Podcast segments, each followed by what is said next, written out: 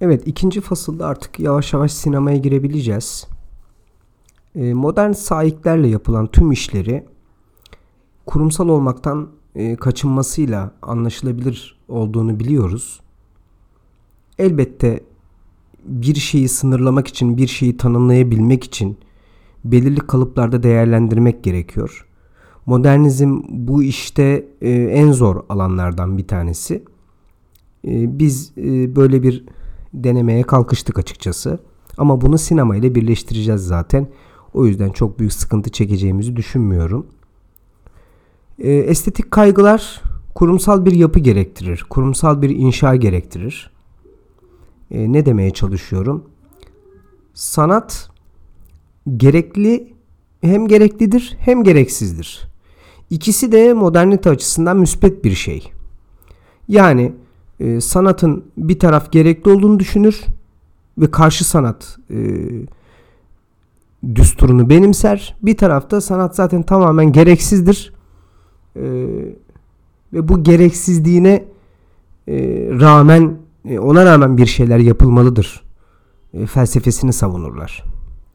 Ya bu kavram 19. yüzyıldan sonra öylesine kendini yok eden bir canavara dönüştü ki koşullarını bile imkansız e, kılmaya başladı.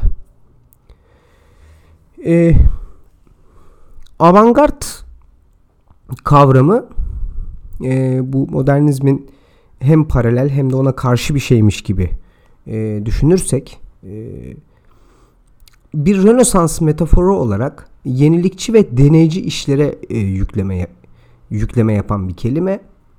Kelimenin sahibi Napolyon.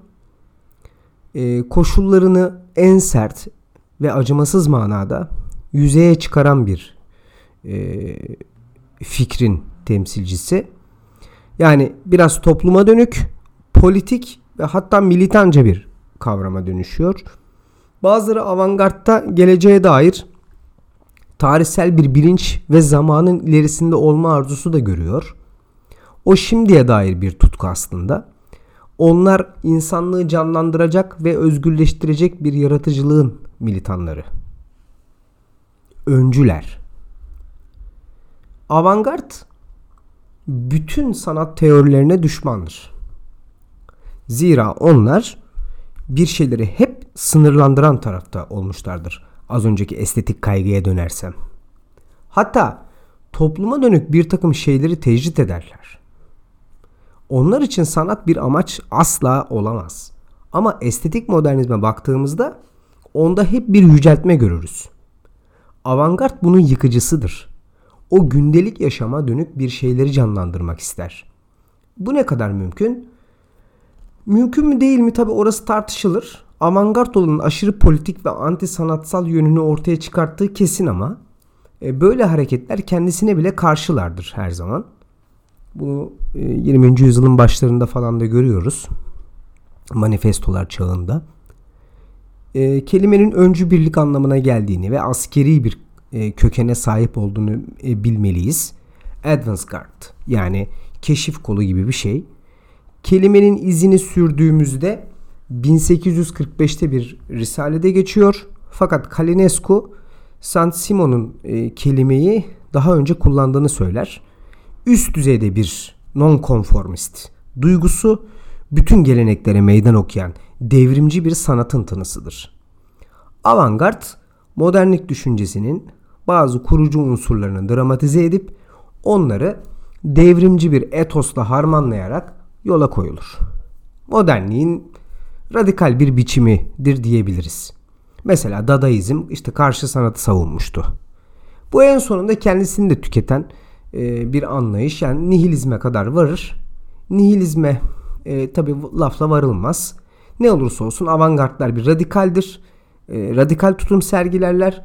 Her şeyi tanınmaz hale sokup neredeyse tümden tanınmaz e, kılarak e, karşı sanat yaptıklarını e, iddia ederler. Avantgardların en fazla katkısı aslında e, en fazla katkı sunduğu mecra ele, e, eleştiri e, kanadında olmuştur. Yani hem edebiyat eleştirisi hem sanat eleştirisinde büyük çığırlar açtıklarını söyleyebiliriz. Marksist teorilere dahi buradan e, geçişler olacaktır zaman içerisinde. Meseleye dönme zamanı e, geliyor yavaş yavaş. Yani sinemayla modernizmin karşılaştığı o ilk mesele. Sinemayı sine felsefe olarak düşünmek durumundayız. Yani ben her zaman öyle düşünüyorum. Bu meseleyi entelektüel e, açıdan işte yorumlayarak falan onun işte onun e, hakkını vermek gibi falan bir felsefe yapmanın manası yok. Sinemanın kendisi artık bir felsefedir aslında. Yani felsefesi olan bir şeydir. Sinema tarihinin ilk 60 yılı bir gelenekten bahsedilmeyen yıllar, kayıp yıllar gibi görünüyor. Ama buraya tabi felsefede özellikle sinema felsefesinde bir dönüş olacak. Sinemayı bir felsefe olarak, tumturaklı bir sanat mecrası olarak ele alanlar e, yeni dalgacılardır. Fransız yeni dalgacılardır. Godard, e, özellikle Godard'ın Andre Bazin'in başını çektiği, Truffaut'un başını çektiği o e, Char Sinema dergisinden bahsediyorum. Godard özellikle kendilerinin Griffith'ten bahsederken adeta bir Shakespeare'den bahsettikleri, bir Molière'den bahsettikleri gibi vurgular. İlginçtir bunlar Amerikan sinemasına değil doğrudan Fransız sinemasının belirli eğilimlerine saldırmışlardır. Trafo bunlarla ilgili pek çok yazı kalemi alır. İşte Şardu Sinema'da. Bazin ve diğerlerinin yazdığı bu sinema makaleleri özellikle otörlük teorisi büyük ses getirir. Hala da aşılamamıştır açıkçası. Aslında e, Ziga Amerikan sinemasına şükranlarını sunuyor. E, o büyük e, ben ona videocu diyorum. E, büyük videocu diyorum. İlk videoculardan diyorum. Amerikan sinemasının köksüz olduğunu fark etmesine rağmen ona e, teşekkürlerimizi sunmak zorundayız, zorundayız demişti. Ya bu bunu Kinefot'ta yazıyor. E, Vertov'un gündüz düşleri meselesi hatıra ve romantik bir şey gibi aslında. Yani Vertov bana çok romantik gelir açıkçası. E, tabii o böyle olduğunu e, buna karşı çıkacaktır. Yani böyle olmadığını savunacaktır. Orson Welles mesela bir şekilde kara filmi, film nuarı dışa vurumcu açıdan e, bu tarz haline getirmişti. 1940'lar e, modern olan perdeye tabi yansıyacak e, yavaş yavaş. Sinemanın içinde bir modernizm vardı yani kübist bir gelenek vardı, fütürist bir gelenek vardı. İşte e, sürreel bir gelenek vardı. İşte Louis Buñuel'ler, Salvador Dali'ler, e, Vertov'u bir fütürist sayabiliriz. İşte kübizm tutkusu Marcel Herbier'in insanlık dışı e, çalışmasını buraya ekleyebiliriz. Herbier işte e, kübist dekorlarını e, sunmuştu e, çekimlerinde.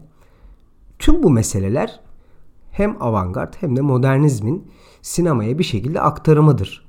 Biçimsel sinema ilkelerinin izlerini de bu şekilde sürebiliyoruz.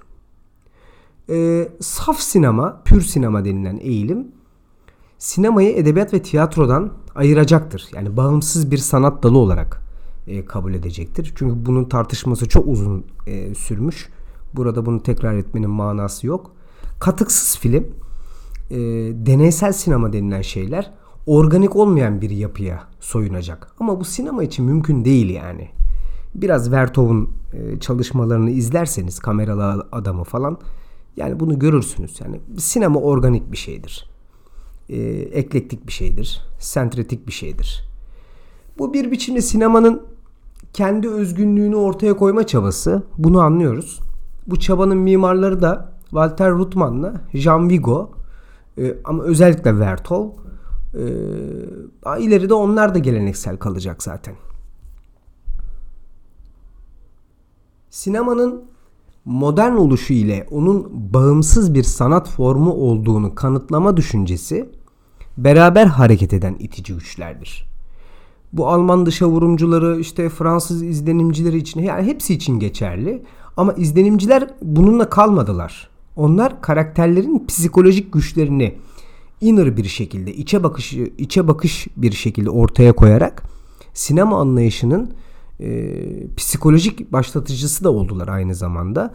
Bunlar hem kendisini 60'lara taşıyan motivasyonu sağladılar hem de e, farklı bir perspektiften e, olaya e, bakabildiler. Erken sinema örneklerinde zaten pek çok sanat formunu görüyoruz. Yani işte e, kübist dekorlar Marcel Herbier'de, e, özellikle Louis Buñuel'de, Zigavertov e, yine yani onun e, alanı çok farklı olsa da e, Zigavertov yani biraz anmak lazım. Bir kurmaca düşmanı. Aslında şimdi burada e, yönetmen eleştirisi yapmayacağız tabii ki. Ama birkaç noktaya eğilmek lazım söz konusu Vertov olunca. Vertov görüyorum meselesinin peş, peşine düşenlerden. Zaten video denilen kaydedici modern bir şey. Düşüncesi eski olsa bile bu böyle. Ne yaparsam yapayım sanattır anlayışı da modern bir şeyse bu ikisini buluşturan e, şey sinemadır. Yani kino glass ya da sinema göz işte Vertov'un yaptığı. Görmenin akabinde bir düşünme serencamı yaratacağı da açık ama. Yani böyle e, bunun arkasından montaj falan gelecek zaten. Sinema yalnız öyle bir yerden vuruyor ki bir anda normal günlük rutinlerimizin peşine düşüyor. Yani kendimizi bir anda kendi gözlerimizle görünce allak bullak oluyoruz. Artık görüyorduk. Daha o zamanlar belki de ölüm fermanımızı e, imzalayan bir şeydi bu. Çünkü Godard'ın dediği üzere sinema ölü doğmuştur. Şimdi Vertov tam bir kaydetme üstadı, tam bir videocu. Gördüğünü kaydetme meselesini ona borçluyuz. Deleuze buna makine diyalektik diyor.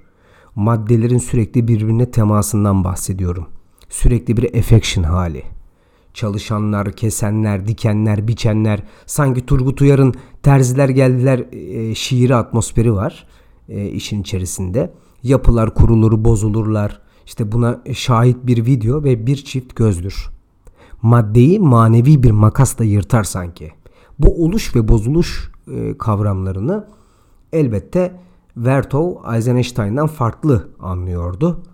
Ona da burada girmeyeceğim. Vertov'un sinema gözü evrenin herhangi bir noktasını herhangi bir zamansal düzende bir diğerine bağlayan şeydi. Yani rizom ıı, düşünce gibi Deleuze'un.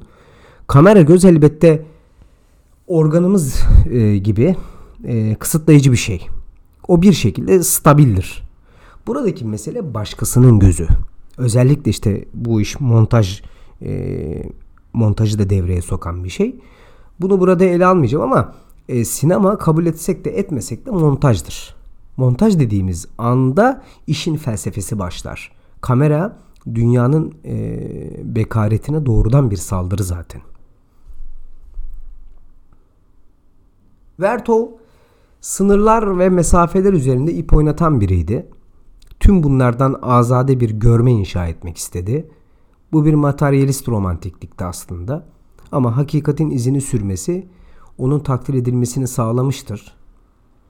Ee, diğer bölümde hani e, işte deneysel sanat, e, işte sanat, sanat filmi, ticari ticari sanat filmi meselesini tartışırken biraz daha gireceğiz. Sonuç olarak sinema modern sanatın ekmeğini başlangıcından itibaren yemiştir. Devasa organik bir bileşen olması onu e, her zemine ve zamana uyum göstermesi bakımından modern diye e, tanımlamamızı sağlayacaktır e, diyelim ve bitirelim.